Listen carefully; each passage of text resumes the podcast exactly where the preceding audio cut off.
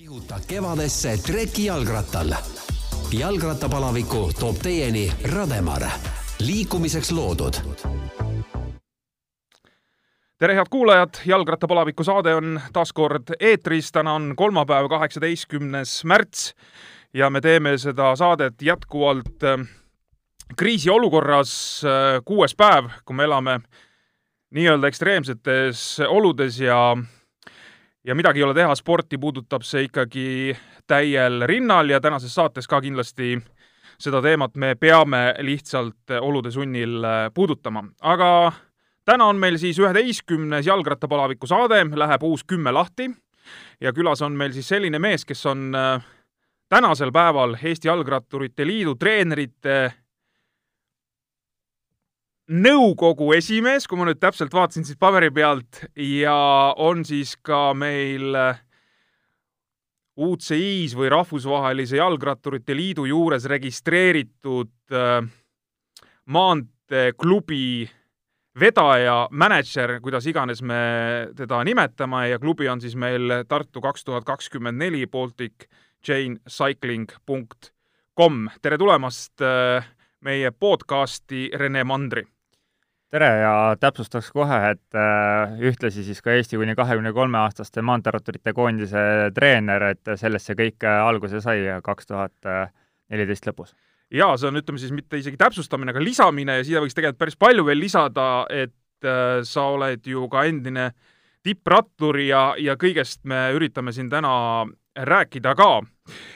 aga kõigepealt ikkagi see, et äh, spordimaailm on täiesti pea peale pööratud. Jalgratta, jalgrattasport äh, sealjuures ja ma siin eile ise vaatasin ja natukene otsisin andmeid,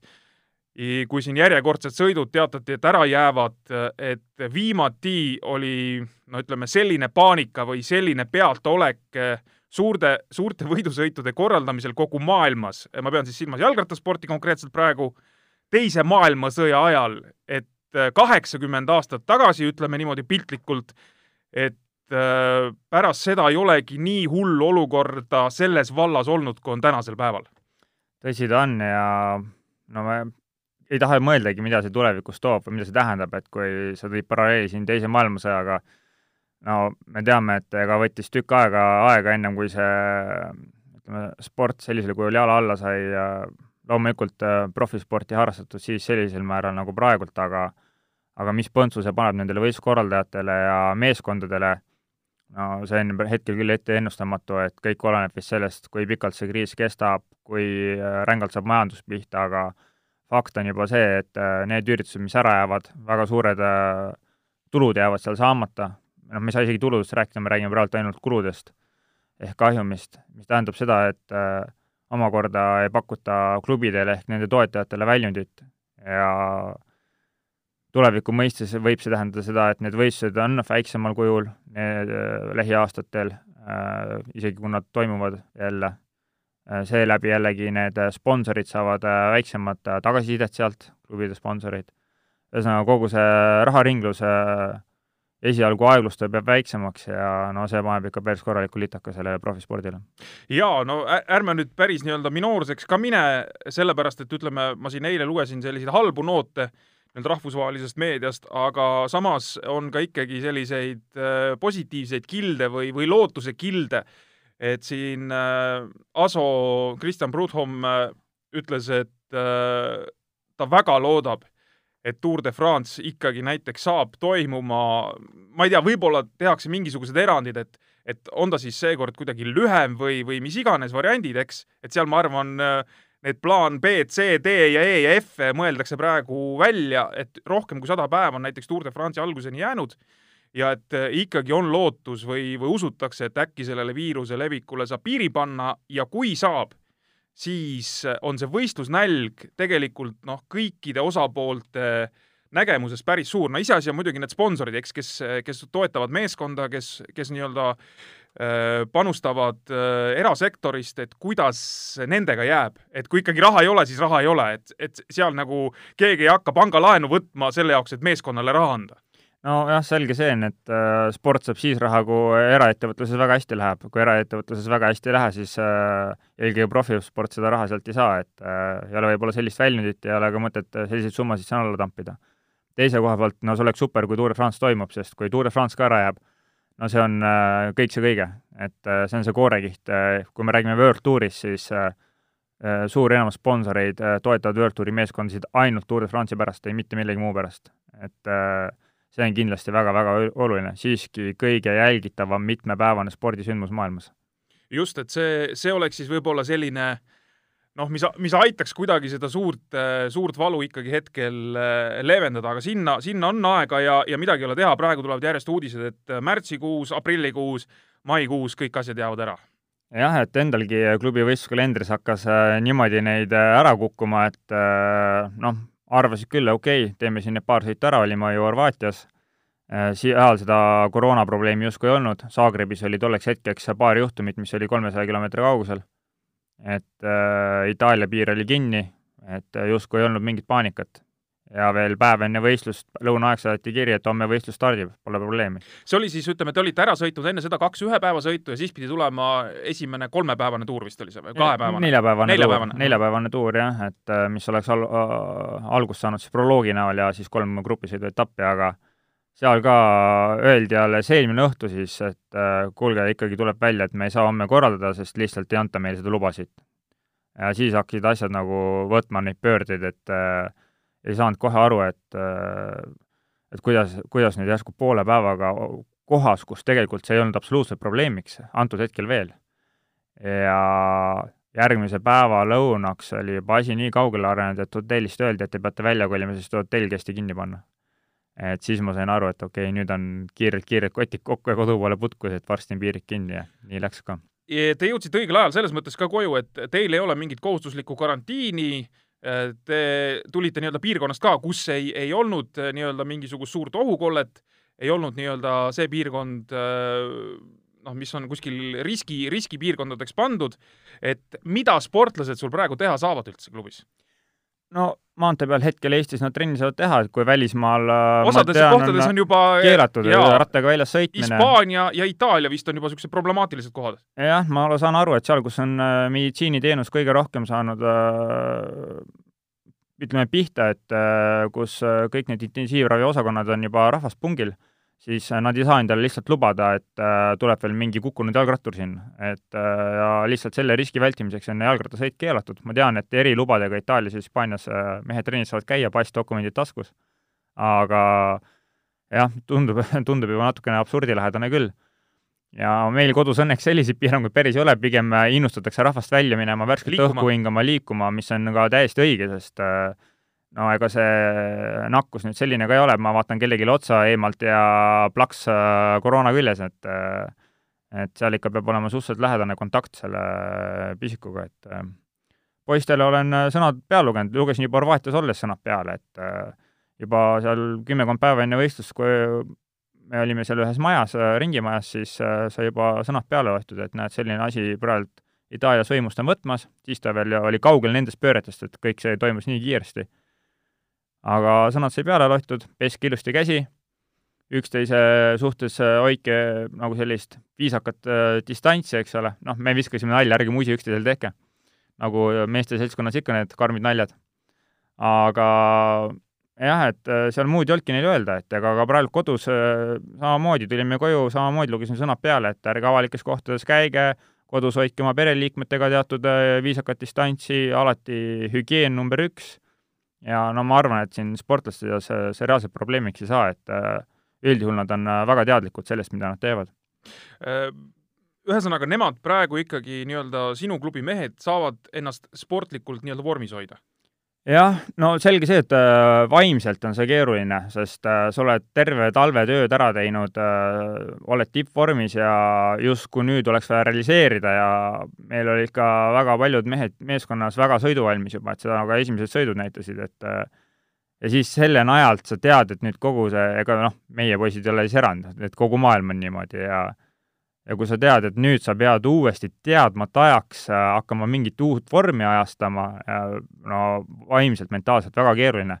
selge see, et äh, ega andsime lihtsalt kuttidele uued plaanid kätte, uued suunised ja mis need suunised praegu üldse olla saavad, selles mõttes ma mõtlen äh, nii-öelda, et et sa tead, et ütleme, põhimõtteliselt ikkagi aprillis mingeid võistlusi ei tule,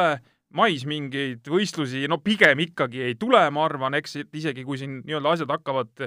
märkimisväärselt paremuse poole minema, et siis mis need suunised on praegu? no üritame üleüldist konditsiooni siis äh, parandada, meie puhul on see lihtne, et meil on eelkõige noored mehed, kes on kõik arenemisjärgus, et äh, seal neid aspekte, mille kallal tööd teha treeningutel on väga palju ja üritame üle olla sellest momendist, siis et võistelda ei saa ja ei hakka ka hetkel kohe treeningutel seda, ütleme, simuleerima, pigem siis äh, üritame järgi aidata neid pooli, mis neil nõrgemad on. ja individuaalselt saavad nad seda väga hästi kodus teha hetkel, et äh, ilm ka õnneks kannatab, et need paar kraadi sooja suhteliselt kuiv ilm hetkel Eestis ikkagi on, et äh, kannatab maanteele välja minna küll. absoluutselt, ma arvan, see, see ilma üle ei ole mingit nurinat, et selles olukorras, kus me oleme, kõik saavad aru, et ükskõik tegelikult, mis ilm see väljas on, et kui ma tahan trenni teha või kui, kui mul on see võimalus olemas, eks, et siin ei panda ka midagi kinni, et sa ei tohi enam maanteele või, või kusagile minna, et äh, see, see ilm ei ole nendele meestele, kelle motivatsioon on üldse mingisugune probleem, et selles ma olen, olen täiesti veendunud, et kui siin juba väike pluss on, et siis on kõik suurepärane. kas, kui sa mainisid sellest psühholoogilisest aspektist, et siis kas äh, kas keegi ütleme siis, ma ei tea, kas, kas see, et, et keegi nüüd ise on pöördunud, aga kas sa oled näinud, et võib-olla siin oleks vaja isegi mingisugust abi, et, et noh, rääkida mingi psühholoogiga või, või, või nii hullud need asjad ikkagi ei ole? no seda kohe jah, esialgu ei oska hinnata, et seda saab mõne aja peal hinnata, et äh, kuidas keegi sellega toime on tulnud, et äh, ütlen ausalt, siis äh, üldjuhul äh, spordis löövad ikkagi need vennad läbi, eriti rattaspordis, kes on äh, nii kõva kuidas öelda siis, iseloomuga, et äh, neid sellised asjad ei murra, et äh, kui äh, sellised äh, probleemid murdma hakkavad, siis nad murravad ka teiste probleemidega, et see ei ole siis ainuke ja äh, ja no julgeme väita, et rattasport on natukene liiga karm ala, kus peab liiga palju kannatama selleks, et sa jõuaksid vinguda selle kõrvale kogu aeg, et äh, jah, tihtipeale need vennad lihtsalt kaugele ei jõua äh, siit kohe küsimus edasi, võib-olla hoopis äh, psühholoogilist abi tahavad klubijuhid, sest ma ei kujuta ausalt öelda üldse ette. Mi-, mi-, mis, mida praegu või, või kuidas pea plahvatab nendel klubijuhtidel, kes peavad selle hetkeolukorra hakkama saama? Äh, minu pluss on see, et ma olen ennem sportlane olnud ja sportlasena tähendab äh, sportla-, sportlaseks olemine tähendab seda, et sa kunagi ei tea, mis homne päev toob. sa ei tea finantsiliselt, sa ei tea enda vormi mõistes, tegelikult sa oled teadmatuses kogu aeg, isegi kui sa oled kuskil profiklubis oma kaheaastase lepinguga, siis sul on justkui mingi nagu tunne sees, et okei okay,, et mul justkui mingi varu nagu mingi on. varu on, et mhm. mingi eksimisruum on jäetud. aga no see eksimusruum, sa saad ise ka aru, et see on nii väike, sest äh, need ajavälbed, kui sa midagi valesti teed, et sul asjad uuesti positiivses suunas hakkaks minema, et noh, see on täpselt nagu meie majandusega siin, et üleöö ei muutu midagi. Ja halvemaks saab minna väga järsku ja paremaks läheb väga aeglaselt. Ja sportlasena on sama, nii et hetkel äh, ma olen stressi tundnud mitmeid kordi oma elus, praegu julgen väita, et äh, see stress on väga kaugel sellest, mis mul olnud on, et äh, suudan suhteliselt kaine peaga asjadele otsa vaadata hetkel ja tuleb, mis tuleb. Äh, sa oled alles kolmkümmend kuus, äh, alles selles mõttes, et äh, sellises vanuses tegelikult võiks sõita veel? jah, tõsi ta on, et ma, mul ju see karjäär pooleli juba kakskümmend kaheksa olin või? sa olid, oota, mis aasta oli, kaksteist või kolmteist? kaksteist oli viimane profiaasta jah, et kolmteist ma veel amatöörides sõitsin aga no ütleme, käime poole... ikkagi seitse-kaheksa aastat tagasi juba jah, et kakskümmend kaheksa ütleme jah. jah, kaks tuhat kolmteist teises pooles ma tegelikult juba panin rattavarna, et seal käisin võistlemas vana rasva pealt juba, et trenni ei teinud. või noh, tegin sellise harrastuskorras, et ma enam suuri sihte ei seadnud. et äh, selles plaanis äh, sa oled nii-öelda maha rahunenud, et sul mingisuguseid kuidas ma ütlen, painajaid äh, ei jäänud, et, et pagan, et nii ruttu sai otsa jah, et kui räägime stressist, siis tegelikult kaks tuhat kaksteist lõpus, kui äh, need asjad sellise pöörde minu jaoks võtsid, nagu nad võtsid, siis äh, no see teadmatus nüüd järsku, et päevapealt lõppes minu jaoks asi küll niimoodi ära, et äh, no see ei olnud ette planeeritud, sest justkui olid läbirääkimised ka lepingu osas peetud, mul oli justkui leping laual, vähemalt ma ise sain aru, mänedžer kinnitas, et kõik on korras. see oli siis klubi Endura Racing või? Äh, klubi Enduro Racing, mis NetApiga ühines, sealt alguses mind solgutati, aga seal juba sai ikkagi augusti lõpuks aru, et äh, see asi jääb sinnapaika, et äh, britid võtavad Briti poisid pluss tiimi manager need poisid, kellega, keda ta ise otseselt manageerib, ainult kaasa, et teised jäävad lageda taeva alla, et seal maksis ainult raha ja ütleme, veri on paksem kui vesi aga ma, ma korra lihtsalt segan siia vahele, et, et, et lähme sealt sellest klubilisest, et et Endura, mis ühines NetApiga ja sellest NetApist on lõpuks kasvanud välja Bora Hansgrohe. jah, nii ta on. on, eks? jah, nii ta on mm. -hmm. ja sealsamas äh, olid siis mul jah, läbirääkimised läbi siis mänedžeri äh, erinevate klubidega ja üks, äh, mul oli mitu varianti veel tookord laua peal ja ühe, ühel, ütlesime teistele variantidele ära, sest üks variant tundus nii kindel, et jah, jah, ja juba siin otsisin elukoha aadressi omale välja sinna riiki, kuhu vaja ja nii edasi ja nii edasi, nagu siin lepingute jaoks vaja läheb ja tead, kolimisplaanid ja mõtted peas, et kuhu kolima kõik peab ja mis see uus kalender olema saab ja ja jäin seda lepingut ootama ja tolle aasta lõpus, ma ütlen, mul on nii kehv mälu nende asjade peale, mis meeskond see nüüd oli, kes selle pilli kotti pani igal juhul fakt oli see, et järsku oli turu peal äh, palju tasuta mehi, sest neil kehtivad lepingud all, meeskond pidi palga maksma, ehk äh, teised meeskonnad said tasuta mehi üle tõmmata, sealt tekkis järsku mingi selline vaakum. lisaks veel paar venda siit-sealt, kes äh, mingi ime läbi ei leidnud lepingut olid tunduvalt nimekamad kui ma ise. ja jah, selja taga ühtegi sõna pärast helistamata, kirja saatmata, üldse lihtsalt vaikus ja eetris kõik. ja novembrikuu. see võib, see võib olla päris karm. jaa, ja siis oligi nii, et äh, käes oli ju novembrikuu juba, uut lepingut kuskilt leida on võimatu, et äh, isegi väiksemates tiimides juba kõik ütlesid, et kuhu ma helistasin pärast, et äh, no igal juhul võtaks su sõitma, aga noh, palka lihtsalt ei ole, mida maksta, et eelarve on lukus, on ju, et äh, ei ole reaalne. ja no need summad, mis mulle pakuti, olid kõik sellised, et äh, ma sain aru, et ma hakkan ise sellele rattasõidule peale maksma, et äh, tolles olukorras äh, ma nagu peast nii sportlane ei olnud, et ma pean igal juhul seda sporti edasi tegema, et äh, mulle väga meeldis see äh,, ma võtsin sellest äh, suhteliselt maksimumi, tagantjärgi võin öelda ka, et äh, ma ei osanud võib-olla maksimumi kõigest võtta, nii nagu vaja oleks olnud. ka julgen väita, et äh, ütleme, see seljatagune ei olnud väga tugev, et äh, mul oli väga toetav pere ja isa ja nii edasi, et äh, kes äh, igal juhul oleks kõigile nõus olnud õlga alla panema aga see know-how baas jäi võib-olla natukene kõrvalt lahjaks, et äh, ei olnud neid äh, häid mentoreid, kes oleks vaat võtnud kratist kinni ja nagu õigele rajale suunanud siis, kui vaja oleks olnud, et eks äh, et siin nüüd mehi on küll, aga tol ajal nad kõik võidusõitjad veel. et siis nad mõtlesid veel selle tegid peale, tegid oma asja, et ja, ja sealt võib-olla jäi ka mulle külge see mõte kohe, et tegelikult ma tahaks noorematega tegeleda, et neile edasi anda äh, või et nad väldiks neid vigu, mida ise on astutud, et äh, sealt jäi see nagu see treeneri mõte külge ja üsna ruttu tegelikult leidsin ka tee selle töö juurde, et äh, kui äh, jah, mul ei olnudki lepingut, mul ei jäänud muud üle, kui ma pidin mingi lahenduse enda jaoks leidma üleöö, meeletu stress muidugi, nagu ma ütlen, et sa ei tea reaalselt, mis homne päev äh, toob, sa ei tea, kuidas sa oma kommunaalid maksad, oma rendid maksad, oma autoliisingud maksad, no üleöö on järsku käpuli maas, sest äh, ma sellisel tasemel profisportlane ei olnud, et mulle keegi oleks kulda karda koju, kokku tassinud, et äh, ma olin nagu selline usin töömesilane, kui võib nimetada, et äh, keda odava raha eest palga peale hoiti, et äh, sõitma sõiti. ja jah, päris kiirelt tuli olukord kätte, kus oli seda lahendust vaja ja siis tol hetkel tundus kõige mõnusam see Prantsusmaa amatöörtiimis korraks maandumine, juba sellepärast, et vähemalt sa oled natukene oma tuttavas keskkonnas, kuna ma olin kaks tuhat viis aastal sealt profiks saanud. Äh, me räägime siis äh, Saint-Etienne'i amatöörklubist, eks? Saint-Etienne'i amatöörklubis, jah, tuttavad inimesed ees, seal ka mingisugune toimetuleku finants äh, oli olemas, eks ole, tasuta korter ja mingid võistlused ja auhinnarahad ja mingi väike sissetulek, pluss veel äh, ei saa salata, töötu abiraha Prantsusmaal. just, ma tahtsin sinnamaani jõuda, et tegelikult ütleme, Prantsusmaa näite koha pealt, kus meil on hästi paljud mehed ikkagi sõitnud,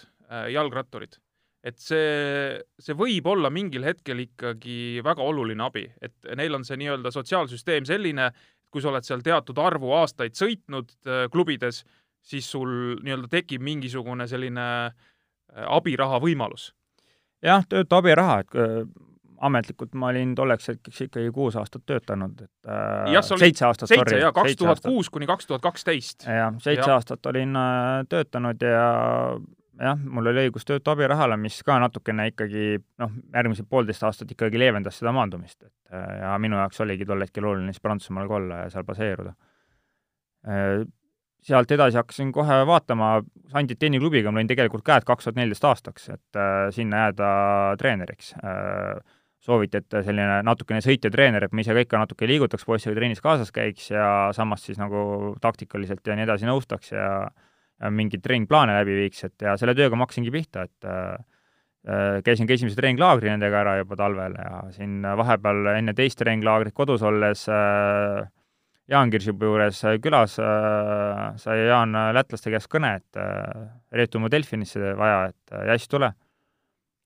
Jassil vist tol korral, ma täpselt ei mäleta, mis äh, huvid tal olid. Äh, kas Jassil mitte kaks tuhat neliteist äh, ei olnud see Astana aasta?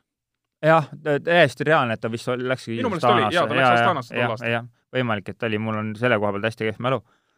aga igal juhul oli tal see Igo poolt pakkumine laual ja Igo Japin siis see Läti praegune rattaliidu president ja ja siis ütles, et mul siin üks teine vend võib olla olemas, kes oleks huvitatud ja rääkisime, mulle tundus see ahvatlev, sest see oli kodule palju lähedamal. Äh, ja loomulikult teeme ära.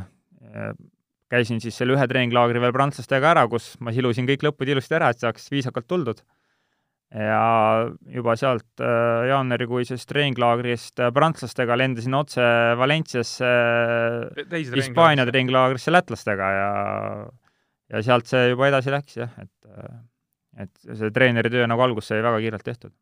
Äh, ma tulen veel korra sinu nii-öelda sõitmiste juurde tagasi, et ma vaatasin, mul jäi silma üks äh, tsitaat, et äh, ühest loost, et sa oled ise öelnud, et sa olid maksimalist või oled nii-öelda oma iseloomult maksimalist ja kümnendad või kahekümnendad kohad võidusõitudel noh, täit rahuldust nii-öelda ei pakkunud, eks, et see on ka nii-öelda varieeruv, et kui sa tead, et sa peadki tööd tegema nii-öelda mingi kellegi teise tulemuse jaoks oma meeskonnas, siis võib see kümnes ja kahekümnes koht loomulikult rahuldust pakkuda, kui, kui tuleb võit näiteks sellesama mehe esituses, keda te aitasite, eks. aga kui sa ise nii-öelda ajad tulemust taga ja saad kümnenda või kahekümnenda koha, et see, see nagu ei paku väga midagi, et tahtmist oli sul rohkem kui Äh, võimed lubasid, noh, me võime seda võimed lubasid, võime nimetada ka talendiks. siinkohal ma muidugi tahan su käest äh, definitsiooni, et, äh, et miks sa ei pea ennast andekaks sportlaseks, äh, noh, kui, kui see vastab tõele, see, mis ma praegu rääkisin äh,, piisavalt andekaks, et sest äh, ütleme, Vueltal tulla sinna kahekümnenda koha piirimaile kokkuvõttes, no ma arvan, sa pead olema andekas, et sinna mingisugused suvalised tondid ei jõua no jaa, ei, selles suhtes, et ma sellest lausest ei tagane jah, mis ma äh, tol korral ütlesin, et eks äh, jah, kõigest ei saa päris punktuaalselt kinni võtta ja vajavad lahti seletamist need mõtted äh,, nagu elus ikka kõigega. ja tolle aasta Volta juurde tulles, siis äh, tegelikult tollest hetkest alates kuni see oli kaks tuhat seitse? kaks tuhat seitse sügise Volta, siis tegelikult tollest äh,, tolle hetkeni äh, Äh, ma arenesin äh, kogu aeg samm-sammu haaval paremaks, äh, väga loogilist rada pidi, ilma tegelikult suuremate takistusteta. et tolle aasta kevadel mul oli väike probleem sellega, et ma Wagner luuga kukkusin mõrasse Paris-Roubaix aga Vä väike probleem, no vaata ratturid on ka sellised mehed, et et see Vaagnaluu mingisugune murd või asi on nende jaoks väike probleem, et no, mõni inimene mõtleb, et mis nalja teete või? no selles mõistes jah, et äh, need probleemid, mis mul pärast tulid, olid ikka kordades suuremad, et äh, et sinnamaani ma sain ikkagi suhteliselt äh, ühe nagu jutiga pandud, ma olin ju siis alles kahekümne kolme aastane, et ma olin läbi nende U kahekümne kolme aastate, U kahekümne kolme vanusegrupi aastate tulnud kogu aeg niimoodi, et äh, ma läksin nagu silm, silmnähtavalt aasta-aastalt paremaks.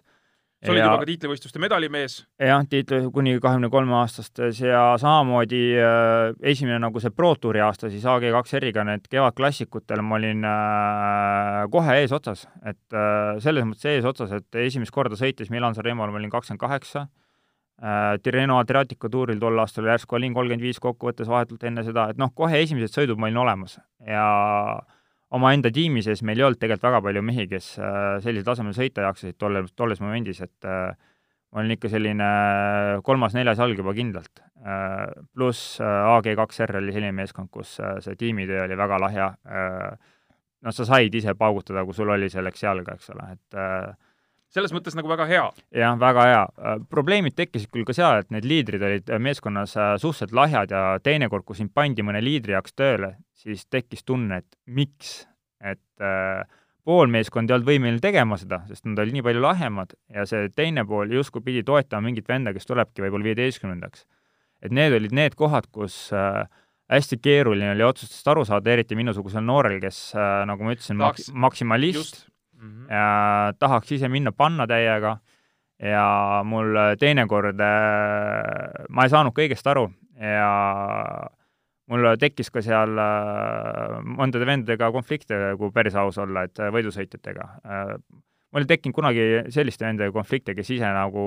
tegelikult asja adusid ja, ja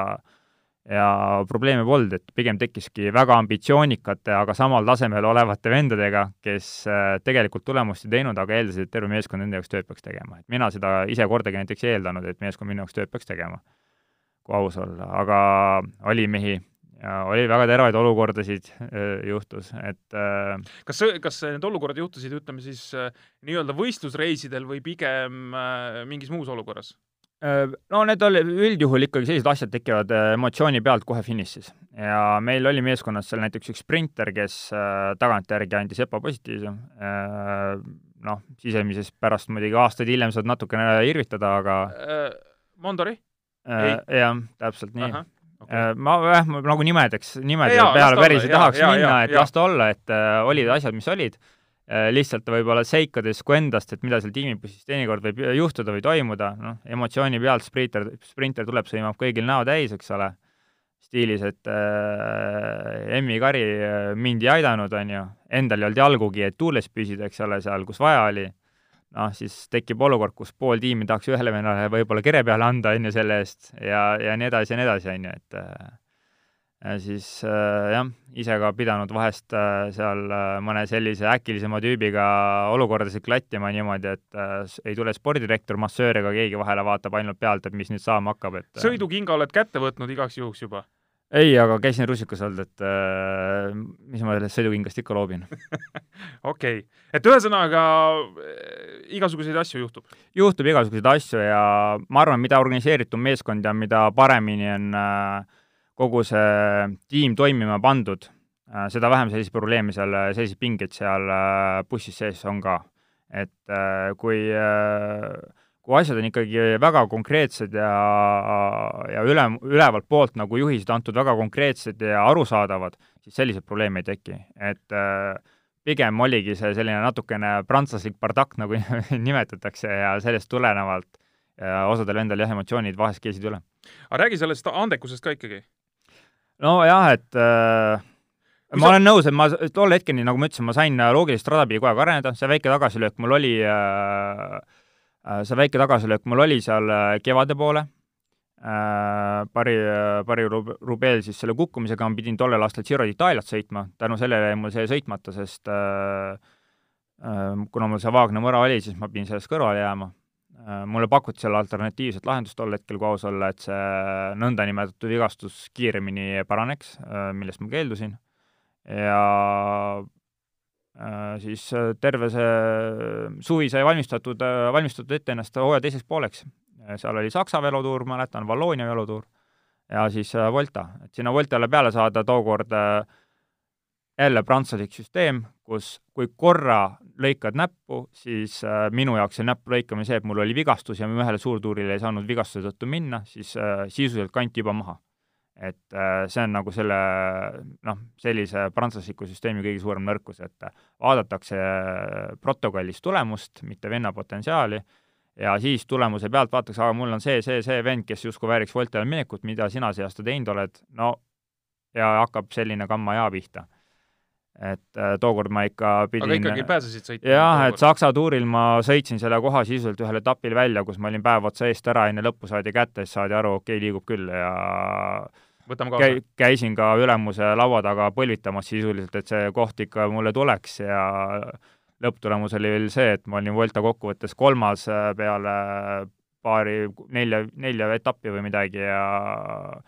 ja, või virtuaalselt äh, liidergi järsku üks päev ühesõnaga, seal no ütleme nii, et see algus oli ikka väga vinge sellele Voltale tol aastal ja aga mida ma nägin muidugi, ma nägin seda, et äh, kokkuvõttes mul ei mahtunud pähe, kuidas osad enda eakaaslasedki olid arenenud nagu ühe aastaga no nii palju tugevamaks, et äh, ma sain aru, et äh, okei okay,, seal on teised mängud ka, et äh, ma ei ütle noh, et see asi puhtalt talendi taha jääb, aga aga mina, ma sain aru, et ma ei hakka mitte kunagi, tolles ajahetkes vähemalt, sinna etteotsa välja sõitma, et äh, esimesed kümme olid äh, lihtsalt peajagu üle, et äh, kui ülejäänud vennad sõitsid omavahel võidu, siis need esimesed kümme lihtsalt tõstsid tagumikku püsti ja läksid siis, kui tahtsid, et äh, et seal nagu oli selline vahe, et see oli see koht, kus meil tiimi parim sõitiski lõpuks kaheteistkümnenda koha peale, keda me aitama pidime. ja meil terve tiim sealt tagantjärgi veel kaks prantslast, ma ise, kõik olime veel, me neljakesi oleksime kahekümne hulgas lõpetanud sisuliselt, kui minul see kahekümne neljas koht tuli ka ju lõpuks edasi, et ma jäin äh, veits tõbiseks seal, olid kehvemad päevad, aga see veel ei löönud mind rivist välja, aga ühel mägietapil mul läks väga otsustaval hetkel kumm äh, kitsa tee peal, kus äh, autod olid kolm minutit pundist eemal. nii et äh, ma kukkusin selle kummi lõhkumisega tagumisse gruppi, kus oli kokkuvõttes üks ohtlik vend ka sees ja seal keelati absoluutselt igasugune töö ära, koopereerimine, et ette-tagasi jõuda ja noh, sealt ma sain mingi veerandtunnise paki omale otsa, nii et aga jah, see selleks, ütleme nii, et see oligi minu lagi, ma arvan, jah, et tollel hetkel kindlasti minu lagi, et sealt sealt edasi nagu järgmist sammu äh, ma ise nagu ei oleks osanud äh, näha, et kuskohast, et äh, peale seda hakkasid nagu need tagasilöögid tulema, et selline arterioperatsioon ja uued kukkumised ja igast seljaprobleemid ja mis mul sinna otsa kõik hakkasid äh, vaikselt tulema, et äh, et ma sedasamat taset tegelikult äh, ei saavutanud enne kaht tuhandet üheteistkümnendat aastat, kui ma suutsin uuesti samale tasemele välja jõuda, et äh, ka kaks tuhat kümme aasta veel hakkas minu jaoks väga hästi tegelikult, et äh, Austraalias Down Underil ja sealt edasi äh, lagunes äh, kogu see vorm ja, ja see tunnetus jälle erinevate kukkumistega, tänu sellele lõpuks tekkisid need seljaprobleemid, mis mul olid ja ja no pluss veel meeskonna enda survena nagu, et ma pean ennast tõestama, sest äh, mind pandi ka hooaja alguses mitmel korral tiimiliidri positsiooni tegelikult. ja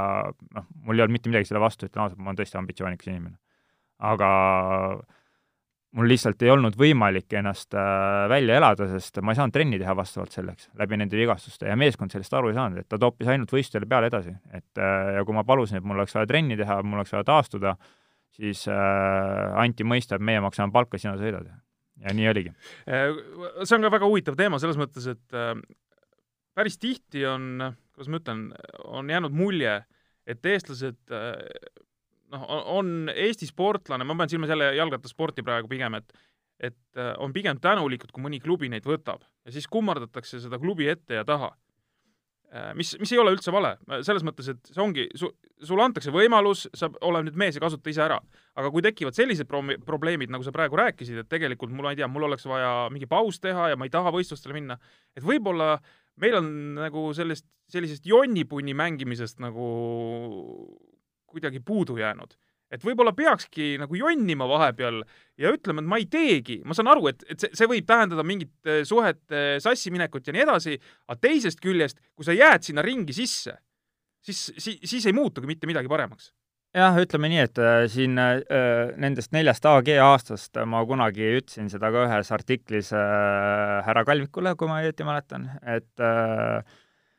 no mingi aeg ma võin äh, sellest raamatu kirjutada neljast aastasest, minu jaoks nagu need neli aastat olid tohutult põnevad. selles mõistes, et äh, praegu ka treenerina tagasi vaadates nagu kogu seda jama, mis seal korraldati, et äh, ütlen ausalt, jama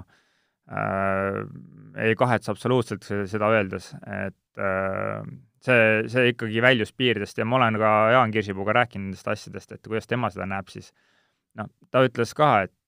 selles mõistes, et temal oli ju lihtne, ta võitis võidusõite et äh, ja kui sa võidad võidusõite, siis äh, see tiimi management on äh, mõnes mõttes sinu taga niimoodi, et kummardab ette ja taha. kummardab ette ja taha, ta, ta ei tule sulle niimoodi külge. tollel hetkel ja Jass sai oma tahtmist läbi suruda, kuigi ega tal oli ka keerulisi momente. ei muidugi, kindlasti aga tollel hetkel, kui mina hakkasin oma tahtmist äh, läbi suruma, siis tollest momendist ma sain kohe aru, et see vastureaktsioon oli selline, et äh, mu ainukene soov ja tahe oli kohe lahkuda, et äh, et seal sul ei olnud õigust enda mõttele või soovile. kas seal on siis niimoodi, et kui sa hakkad jonnima, siis ainus asi, mis aitab, on tulemus? põhimõtteliselt küll, jah. Prantslaste puhul julgen väita, et see nii ei olnud, et nad olidki, nad on juba ühiskondlikult harjunud sellised protestijad olema ja ja, ja seda nagu klubis hakkas kõige asja pealt silma ja eestlasele oli alati hea helistada, öelda, kuule, homme on võistlustele sõit, kuigi seda plaanis ei olnud, sest meil üks prantsuse poiss hakkas praegu kodus jonnima, ei tule, et ja kahjuks nii oli, jah. ja sina olid see vinkel, kes pidi minema ja tiim isegi soovis, et sa elaksid võimalikult äh, siis äh, klubi lähedal, et sind oleks võimalik äh, kiirreageeri- äh,, kiirreageerimiskorras kasutada. Et kui ma viimane aasta eemale kolisin sealt, siis äh, hakati juba esimesi signaale andma, et hästi ei meeldi see olukord, ja kui ma hakkasin ise signaale andma, et mulle hästi ei meeldi see olukord, kus mind lihtsalt ära kasutatakse, siis äh, siis, siis muutusid asjad veel keerulisemaks, et äh, said kohe aru, et okei okay,, et siin, siin on parem kiirelt lahkuda ja ja jah, see, ütleme nii, et seal kaks aastat ennem, kui mul see Girol see suur kukkumine oli, et see oli tegelikult murdepunktiks, kus ma oleks pidanud lahkuma et kui ma siin see oli siis kaks tuhat kaheksa? kaks tuhat kaheksa, jah, Giro d'Itaalia siis, mis ta oli, kuues etapp järsku, ja sõitsime eest ära, ma olin Atrovis, mis tol hetkel ette jäi, et kui siin lähme omal ajal, mis oli, oleks olnud, jumal teab, aga no fakt on jah see, et tol hetkel me olime eest ära Satsiga, kes jäid kaheteist minutiga tol etapil ette ja pikka aega äh, Äh, seal etapil ees olnud vennad ka kokkuvõttes siis äh, liidri, liidripositsioone hoidsid ja, ja päris kõrgetel kohtadel lõpuks välja jõudsid, et äh, ma olin tol etapil virtuaalne kolmas, kui eest ära sõitsime. aga see selleks, et ma alles lugesin Jan Pakkelantsi äh, väljaütlemisi siin äh, meediast äh, ka sama meeskonna kohta, kus minagi siis sõitsin, kus ka Tanel Kangert siis kaks tuhat kaheksa minuga koos sõitis, et äh, aa, seda ma niimoodi ei mäletanudki, jaa, muidugi, Tanel oli ju ka siis, kui sina AG2 seeris, jah, ja ma nägin jaa. kogu seda pulli pealt, mis ka temaga tehti seal meeskonnas, et äh, ja kuidas suhtuti asjadesse, et Tanel on ise ka selline tagasihoidlik äh, Eesti mees selles mõistes, et no nüüd ta ei ole enam nii tagasihoidlik. jaa, aga no ütleme, tol hetkel ta oli ikkagi noor poiss, kes just. oli tänulik, et ta sai võimaluse, nagu sa ütled, seal sõita ja ja ta oli ka tegelikult, ta on väga maksimalist tegelikult, Tanel, et äh, ta tahab teha oma asja parimal kujul ja tol hetkel, kui tal need vigastused olid, ta ei saanud seda hästi teha ja siis, kui see meeskond ka veel õõnestas, nagu jalgealust nagu ta õõnestas, siis ega tal tal äh,, ma kujutan ette, ka lihtne ei olnud, et äh, ma proovisin küll kogu aeg talle öelda, et sa oled megatugev ja megatugev, lõpeta ära see jutt, et no aga aga ega tal ka lihtne ei olnud ja ja jah, et äh, see Jaan Pakkelandsi lugu just, kuidas ta kukkus ja jäi, jäi haiglasse oma pead ja tiim huvi tundnud, kuidas tal läheb või, või mis ta teeb ja, ja stiilis, et tuled tagasi, pead ennast üldse tõestama, et kes sa oled ja, ja noh, lugesin nagu üks-ühele väga tuttavat äh, lugu, et äh, selliseid asju on päris kurb kuulda isegi, ütleme, ütleme nii, et, et äh, sellised asjad juhtuvad, aga, aga eks elu ongi selline, et noh, nii-öelda kogu aeg võitlus tegelikult, eks täpselt, ja need kasvatavad äh,, sellised lood kasvatavad, ma ütlen, et no lõppkokkuvõttes tagantjärgi vaadates neli aastat oli ülipõnev, noh, et äh, äh, see oli, ma ütleks, megaseiklus, noh, et äh, ma kujutan ette, et ükski inimene ei ole nelja aasta jooksul nii palju haigeks olnud, kui mina olin. Et see on nagu selles suhtes minu jaoks ikka täielik seiklus, et äh, et äh, tollel hetkel absoluutselt aru saamata, praegu tagantjärgi vaadates ma mõtled küll, et no täitsa johhadina, et äh, et äh, seal oleks pidanud esimesel võimalusel pistiku seinast välja tõmbama, lihtsalt lahkuma sealt seltskonnast, aga nagu sa ütled, oled tänulik, et sa sõita üldse tahad näidata, sa mõtledki niipidi, et vahet ei ole, ma tulen näitan teile või kas ma olen nagunii ja aga tegelikult adumata, et, äh, et need asjad päris nii lihtsalt enam ei lähe, kui hakkab see allamägi spiraal toimima, et äh, et seal oleks vaja nagu sellist restarti kuskilt teha, et. jaa, või siis nagu sa varem siin mainisid, võib-olla keegi mentor peaks olema, kes, kes äh, suunab sind nii-öelda õigele, õigele suudaks rajale, nagu jah, seda õiget ja head nõu anda mõnes mõttes ja, ja sellist nagu jah, pagasit nagu asjadest on rohkem ja, ja arusaamist, et et tol hetkel ma julgen väita, et minul jäi kõvasti puudu, et et peale sedasamust Itaalia veotuuri kukkumist tagantjärgi tarkusena võin küll öelda, et noh, see, kuidas klubi käitus, ma oleks seal pidanud ise kohe väga julge sammu nende vastu astuma, mitte see, et vaikselt suu kinni panema ja kaasa sitsima selle mänguga, et et aga noh, tagantjärgi tarkus on alati tagantjärgi tarkus. jaa, kuule, räägime sellest, Rene, ka, et sa oled ju tegelikult, paranda, kui ma nüüd eksin, aga sa oled vähemalt teist põlve jalgrattur või oled sa, või on neid põlvi ees rohkem veel olnud? sul isal oli ju ka jalgrattamees? jaa, mul isa sõitis rattas kunagi samamoodi, et ta küll alustas suhteliselt hilises eas ja lõpetas ka suhteliselt noorelt, aga Äh, no põhiaastad, kus ta rattas sõitis, oli Sepas õppides äh, treeneriks Harald Asjamets, et äh, et jah, nii palju võin mina öelda tema spordidest kohe nagu puusalt ja, ja omakorda siis vanaisa siis ehk isa isa oli kiiruisutaja, jäähokit mängis ja nii edasi, et ta, ütleme, Ants Hansoni põlvkonnast äh, seal äh, paar pügalat äh, pjedestaalil allpool, aga, aga jah, kodus on ka selliseid pilte, et et tema oli ka kõva spordimees elu lõpuni, et ta alati hindas sporti kõrgelt ja, ja tema oli võib-olla ka üks selliseid põhilisi, kes alati innustas, et et spordimehed, see on ikka õige värk. nii et meesliini pidi on sul see spordipisik ikkagi sees olnud? jaa, on küll, jah. ja mul tegelikult neid sugulasi, kes siin kõrges spordis on veel, et äh, no näiteks? no ema poole pealt äh, Ain Vilde jääpurjetaja näiteks, et äh, et jah, neid sellise, sellise sporditaustaga inimesi on suguvõsas küll. päris äge. Et äh, saate või olete niimoodi kokku ka saanud ja siis muljetanud, et mis ala see ikka õige ala on? ei, selliseid kogunemisi väga ei ole olnud, et ei, see, see, sellest on ikka asi väga kaugel, pigem on see, et äh, ma olen ise tundnud, kuidas ikka mul on pöialt hoitud äh, koduseinte vahelt, et hästi läheks ja ja tegelikult äh, ma ise näen küll, et ma olen väga hea kasvatuse saanud äh, kodunud selles mõistes, et äh, mul ei ole kunagi liigset survet peale pandud äh, spordis õnnestuda, et äh, pigem on olnud lihtsalt see hea meel ja toetus, et kui asjad õnnestuvad ja kui on äh, abi vaja siit-sealt, et siis seda pakutakse, et äh, et ei ole kunagi jah, sellist uhkeldamist olnud või ei ole sellist survet olnud, et, äh, et ma ise seda ei ole kunagi tundnud, et äh, ainuke surve, mis võib-olla on olnud, et äh, poiss, uut ratast tahad, siis õpi sõitma, mitte see, et mine, mine võida mingi sõit ära, et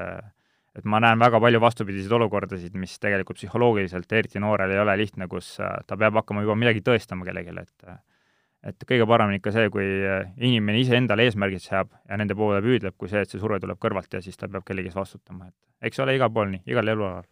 Ja, ja ütleme selle päris alguse juurde veel minnes, et sa ise oled nüüd alustanud äh, ma vaatasin järgi Mati värvi juhendamisel ja see oli siis Jõgeval või kus see treeninggrupp teil oli? jah, Kuremaa, kuulsas Kuremaa rattabaasis, kust väga paljud alguse on saanud, et oli Luua rattabaas, kust minust vanem generatsioon alguse sai, seal Lauri Aus,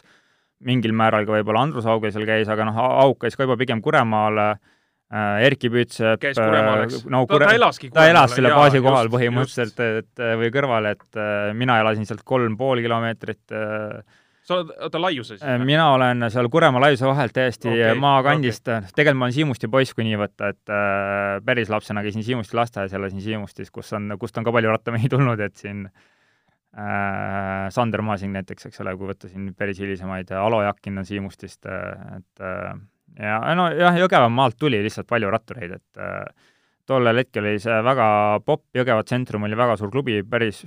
paljud äh,, ütleme, mitmed tuntud treenerid töötasid seal. tehti sihipärast tööd ka, olgem ausad. jah, et äh, Mallor Türna, Allar Tõnissaar, kes seal kõik olid, Kalev Raudsepp, eks ole, Kaido Priit, jah, Hardi Väljaru,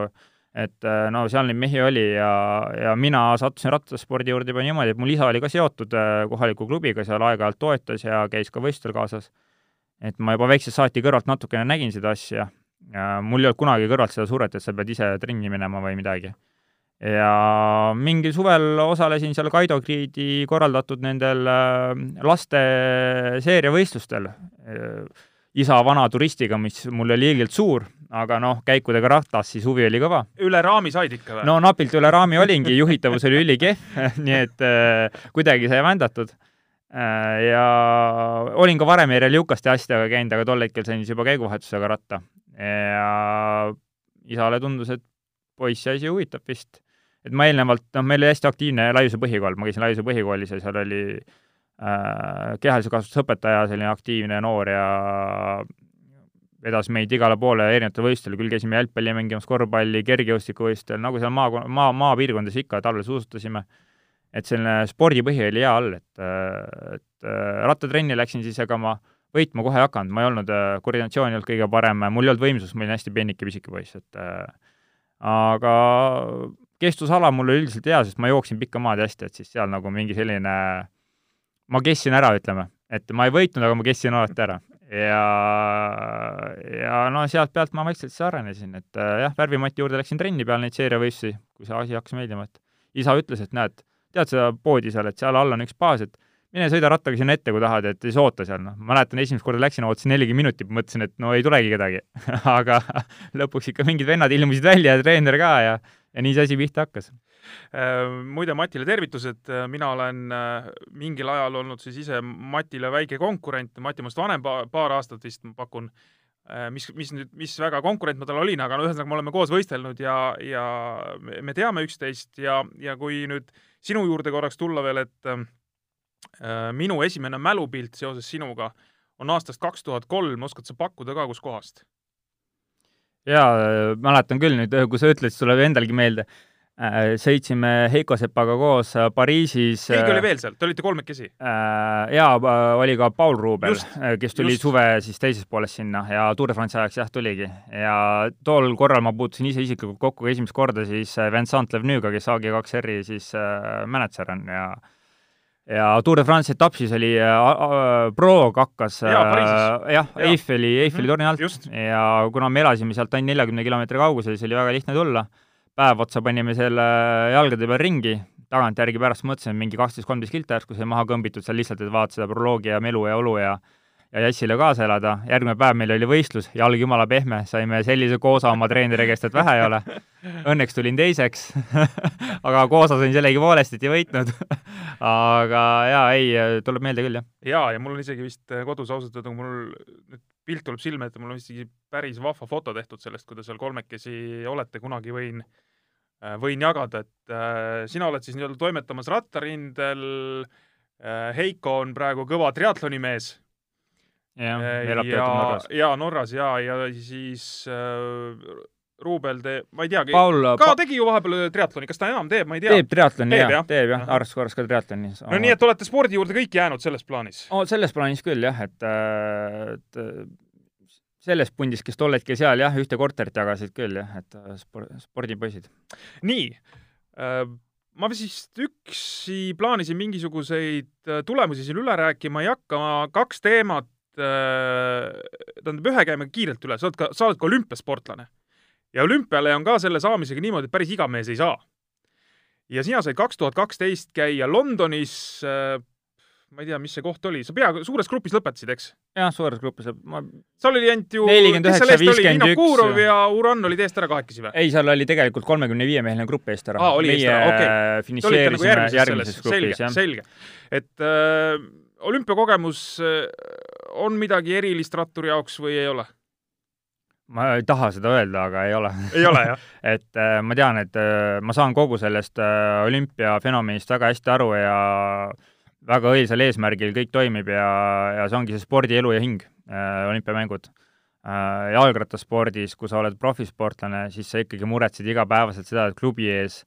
sellised teened teha, et äh, sul seda palgaraha järgmine aasta ka oleks ja saaksid edasi sõita. et äh, ainult niimoodi see rattur elus püsib ja äh, ja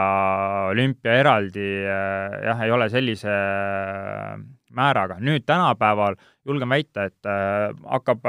ka rattas, rattasportlaste jaoks palju olulisemaks muutumas olümpia. et ka need rattameeskonnad ise justkui hindavad kõrgemalt seda ja, ja saavad selle nagu väärtusest paremini aru, et äh, ma arvan, rattasõidu algusaastate probleem, mis võttis ka aega, oligi see, et ta oli amatöörsport pikka aega äh, olümpial, et üheksakümmend kaks aastal veel äh, toimusid need amatööridele ja alles üheksakümmend kuus alles hakkas see profidele, et kui võtta niimoodi, siis neid olümpiaid seal vahepeal väga palju ei olnud toimunud kaks tuhat kaksteist aastaks, et äh, et tegelikult neid oli ju ühe käe näppudel üles lugeda. et äh, mida rohkem neid üritusi toimub, selge see, et seda populaarsemaks ka selle spordiala mõistes äh, muutub, et see on, see on selge.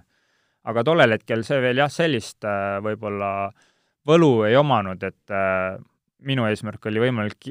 mul on veel äh, täielik äh, halb mälestus ka sellega, et mul oleks peaaegu startimata jäänud põhimõtteliselt või no oleks sõitnud siis ma ei tea millega, et äh, seesamas olümpiaküla väravates, kus äh, ratas läks äh, teisest väravast võrreldes minuga, sest see võeti lihtsalt käest ära seal, ja ma olin vahetult ennem veel, muidu eraldi mul alati kingad ja kiivrid kõik reisivad eraldi kaasa, kas seljakotis või kuskil, siis ma olin jõudnud vahepeal bussis selle sinna kotti panna, et lihtsam oleks seda kotti tõsta ja sealtsamast väravast hotelli juurde välja jõudes minu, lihtsalt see ratta, ratas kaotati ära. ja oi, seal oli paanikat mingi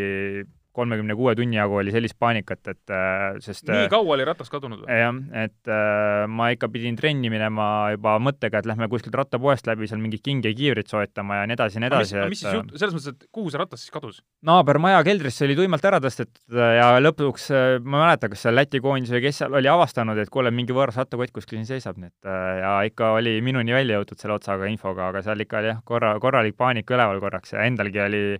ärevus sees, et mis mõttes sa enda kingade, kiivri ja rattaga võistelda, et võõraste asjadega, et noh, see on ikka, mine sa sõida kakssada viiskümmend kilti järsku võõraste asjadega, et äh, ei, absoluutselt, see on, see on hoopis teine, teine asi. et ja neid rattalugusid tegelikult on hästi palju, rat-, noh, ratturitel peabki rattalugusid olema, et äh, kui siin korra nüüd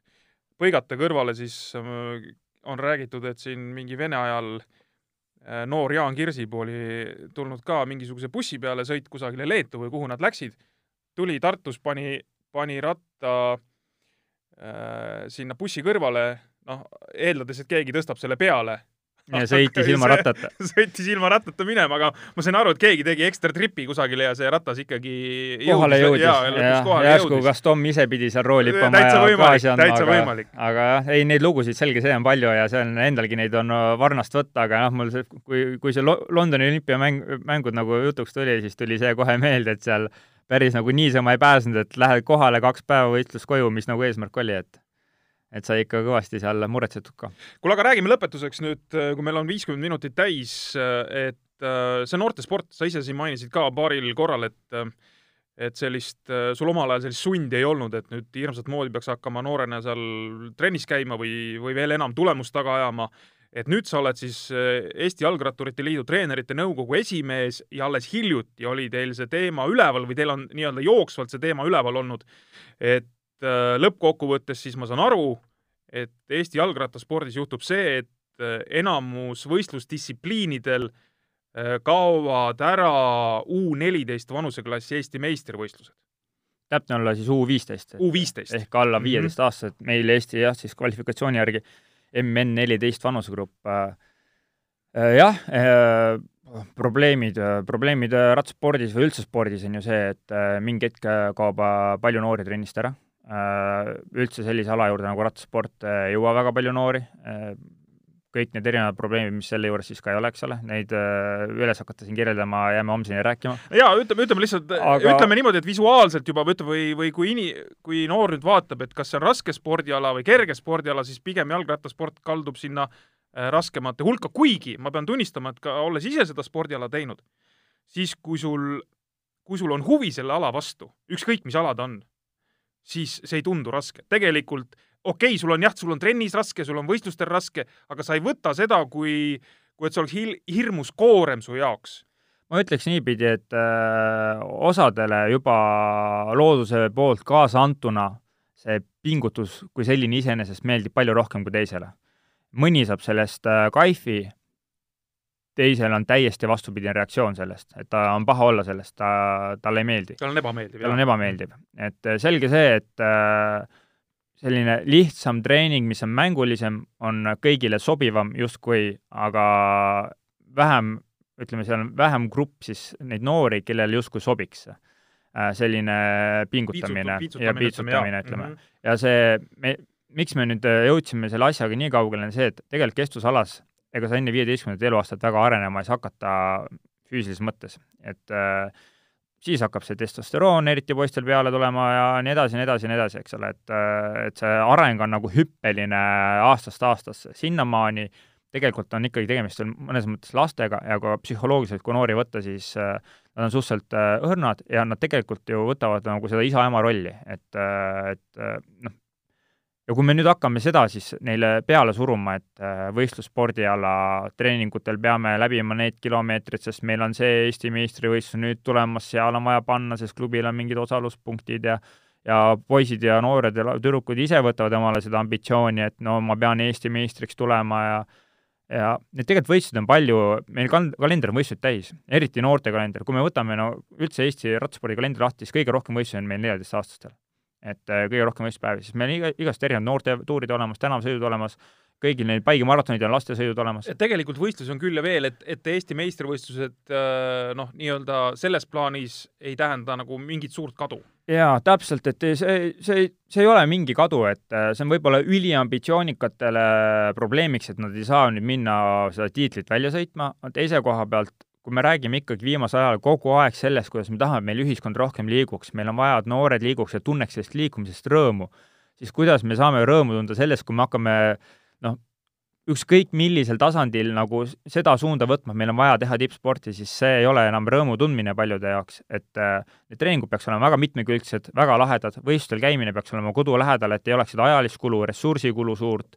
et see looks need eeldused ja võimekuse klubidel, treeneritel, lastevanematel, kõigil, et nende noor saaks liikuda ja tegeleda selle spordialaga, et äh, see on meie lõppeesmärk ja no ma loodan, et et ei hakata nagu ükshaaval või üksi pulgi nendes punktides kinni, mis võistluse reglementi sisse kirjutatakse, et need tagamõtted ja pikemad plaanid ja kõik see töö, mis selle nimel käib, et see on käinud juba aastaid, et see ei ole, see ei ole no sellest, et mina nüüd siin äh, treenerite nõukogu esimees olen. lihtsalt praegult äh, jah, saime nagu ükskord nagu härjal sarvist ja et otsustasime ära, et võtame selle julge sammu ette ja, ja hakkame väga konkreetselt nagu mingit teed pidi minema, et ja, ja siin on ka jah, palju selliseid äh, töökorralduslikke muudatusi olnud selles nõukogus ja nii edasi, et äh, ja, ja üritame olla siis nagu paremaks partneriks ka alaliidule, et loomulikult teeme seda kõike vabast tahtest, aga aga jah, mingi visioon mul on ja, ja õnneks need inimesed seal äh, nõukogus on samamoodi visiooniga inimesed, et et jõuame jõuame vast sinna välja, kuhu vaja jõuda välja on. jaa, hea, head selgitamist, et kindlasti siin on vaja ühtedele, teistele ja kolmandatele osapooltele neid asju selgitada ja, ja korduvalt, et äh, selles mõttes äh, need asjad on vaja nii-öelda üle rääkida, meelde tuletada ja sellest äh, pikemast visioonist nii-öelda äh, noh, selline pilt ette, ette maalida, aga, aga noh, kui jällegi, kui me, kui me oleme sellest noortespordist praegu rääkimas, siis ega, ega see ei ole noh, nii-öelda rattaspordi teema jälle, see on tegelikult ju üldine teema, nii nagu sa mainisid, et mul on näiteks enda ühe poisi, noorema poisi koha pealt siis selline näide, et ta oli vist, ma pakun, seitse või kaheksa ja juba hakati ja, ja mängis jalgpalli ja juba hakati rääkima, et meil oleks vaja kevadeti teha treeninglaagreid Kreekas et mängida noh, päris muru peale ja nii edasi, seitsme-kaheksa-aastased, noh, see oli minu jaoks nagu täielik arusaamatus, et mis, mida, mida te nüüd räägite, et mis mõttes? et kui me hakkame neid niimoodi juba noh, trillima, ma saan aru, okei okay,, vanasti tehtigi, võib-olla siiamaani Venemaal kusagil tehakse, aga, aga minu meelest on see täiesti vale teema no me peame leppima olukorraga, et me ei ela Kreekas ja me ei ela Hispaanias või seal Brasiilias, kus äh, kogu see maastik, loodus, ühiskond kõik selle asja palju lihtsamalt kätte toob. me elamegi siin Eestis ja me peame siin Eesti oludes adapteeruma vastavalt nii, nagu siin võimalik adapteeruda, adapteeruda olukorrale on. ja minu arust ajalugu on väga hästi näidanud, äh, et äh, meil ei ole vaja käia kuskil väljas tohutult, eriti laste või noortega, et selline põhitöö tuleb siin kohapeal ära teha, siis hakkame välja vaatama, et äh, minu arust äh, ei saada hästi aru, et mida see põhitöö endast tähendab ja, ja mis maani või mis mahus seda siis ära peab tegema, et äh, et ennem kui kuhugi et välja minnakse. nii-öelda võistlussporti tegema, eks? et hakata võistlussporti mm -hmm. tegema, et, et see nagu arusaamine puudub, et ja ma olen jah, jumala nõus, et mida nooremana me neid välja veame ja sinna ringi ratsutame mööda ilma, seda rutem selle inimese isu täis ja. saab, et pigem tuleb see nälg tekitada, et äh, kellel ongi seda annet, et äh, ta, ja tal on see mingi hetk see, ütleme, vaimne ressurss on olemas, et äh, minna ja sukelduda pea ees sinna, kuhu on vaja sukelduda, et, et läbi lüüa selles spordis, aga kui me selle ressursi juba varakult ära kasutame, siis meil ei olegi lootust hiljem, et tulevadki uued huvid peale, sest noortel on kopp ees. Nii tänud, äh, Rene, et sa tulid, meil saab kohe tund lobisetud, äh, mis lobisetud, äh, omast arvast tarka juttu aetud no,. ja, ja huvitavat juttu aetud. lõppu selline küsimus lihtsalt. olümpiamängud tulevad sel aastal. mis sa arvad, kas, ma ei tea, rattaspordis tiitlivõistlused tulevad sel aastal või, või tegelikult ükskõik kui Äh, kui hilja või kui vara see nii-öelda eriolukord meil siin läbi saab, et, äh, et ikkagi ülimalt keeruline on juba siin, eile oli uudis, et äh, näiteks jalgpalli EM lükati järgmisesse aastasse. no kui ma oleks nii hea ennustaja, siis äh... aga sinu, ütleme lihtsalt, et äh. mis, mis su tunnetus on, et, et kuidas no, need asjad lahenevad? ma ütlen, mul ei ole selle koha pealt mitte mingit tunnetust, et äh, ma tõesti vaatan äh, ma näen nagu globaalses pildis, mis äh, see, see kõhutunne, ma näen nagu, mis nüüd juhtuma hakkab, eks ole, et kui see asi venima jääb, no jah, sellest ma saan, arvan vähemalt ise, et ma nagu näen neid plusse ja miinuseid. Nüüd äh, kas konkreetsed üritused toimuvad? no ma ei oska ette ennustada, kuidas äh, need suurriigid oma asjad kontrolli alla saavad ja milliseid äh, poliitilisi otsuseid seal taga langetama hakatakse, sest äh, tegelikult on siin taga väga palju äh, poliitikat äh,, mitte ainult ratsionaalset mõtlemist, et äh, et kahjuks, kahjuks see on väga suur osa sellest ja, ja seda ette ennustada on väga keeruline nii, aitäh sulle, Rene Eelkord ja meie oleme siis äh, tagasi saatega nädala pärast, loodetavasti, et äh, praegused olukorrad on, nagu nad on, aga aga ma usun, et me oleme siin, istume nii-öelda ohutus kauguses üksteisest ja, ja peaksime saama äh, jutte aetud ja, ja loodetavasti huvitavaid jutte, mida teisel pool ka kuulata tahetakse. Nii, tund on möödas, suur tänu veel kord ja kohtumiseni! kohtumiseni, võtan mikri kaasa siis koju. Kihuta kevadesse treki jalgrattal. jalgrattapalaviku toob teieni Rademar, liikumiseks loodud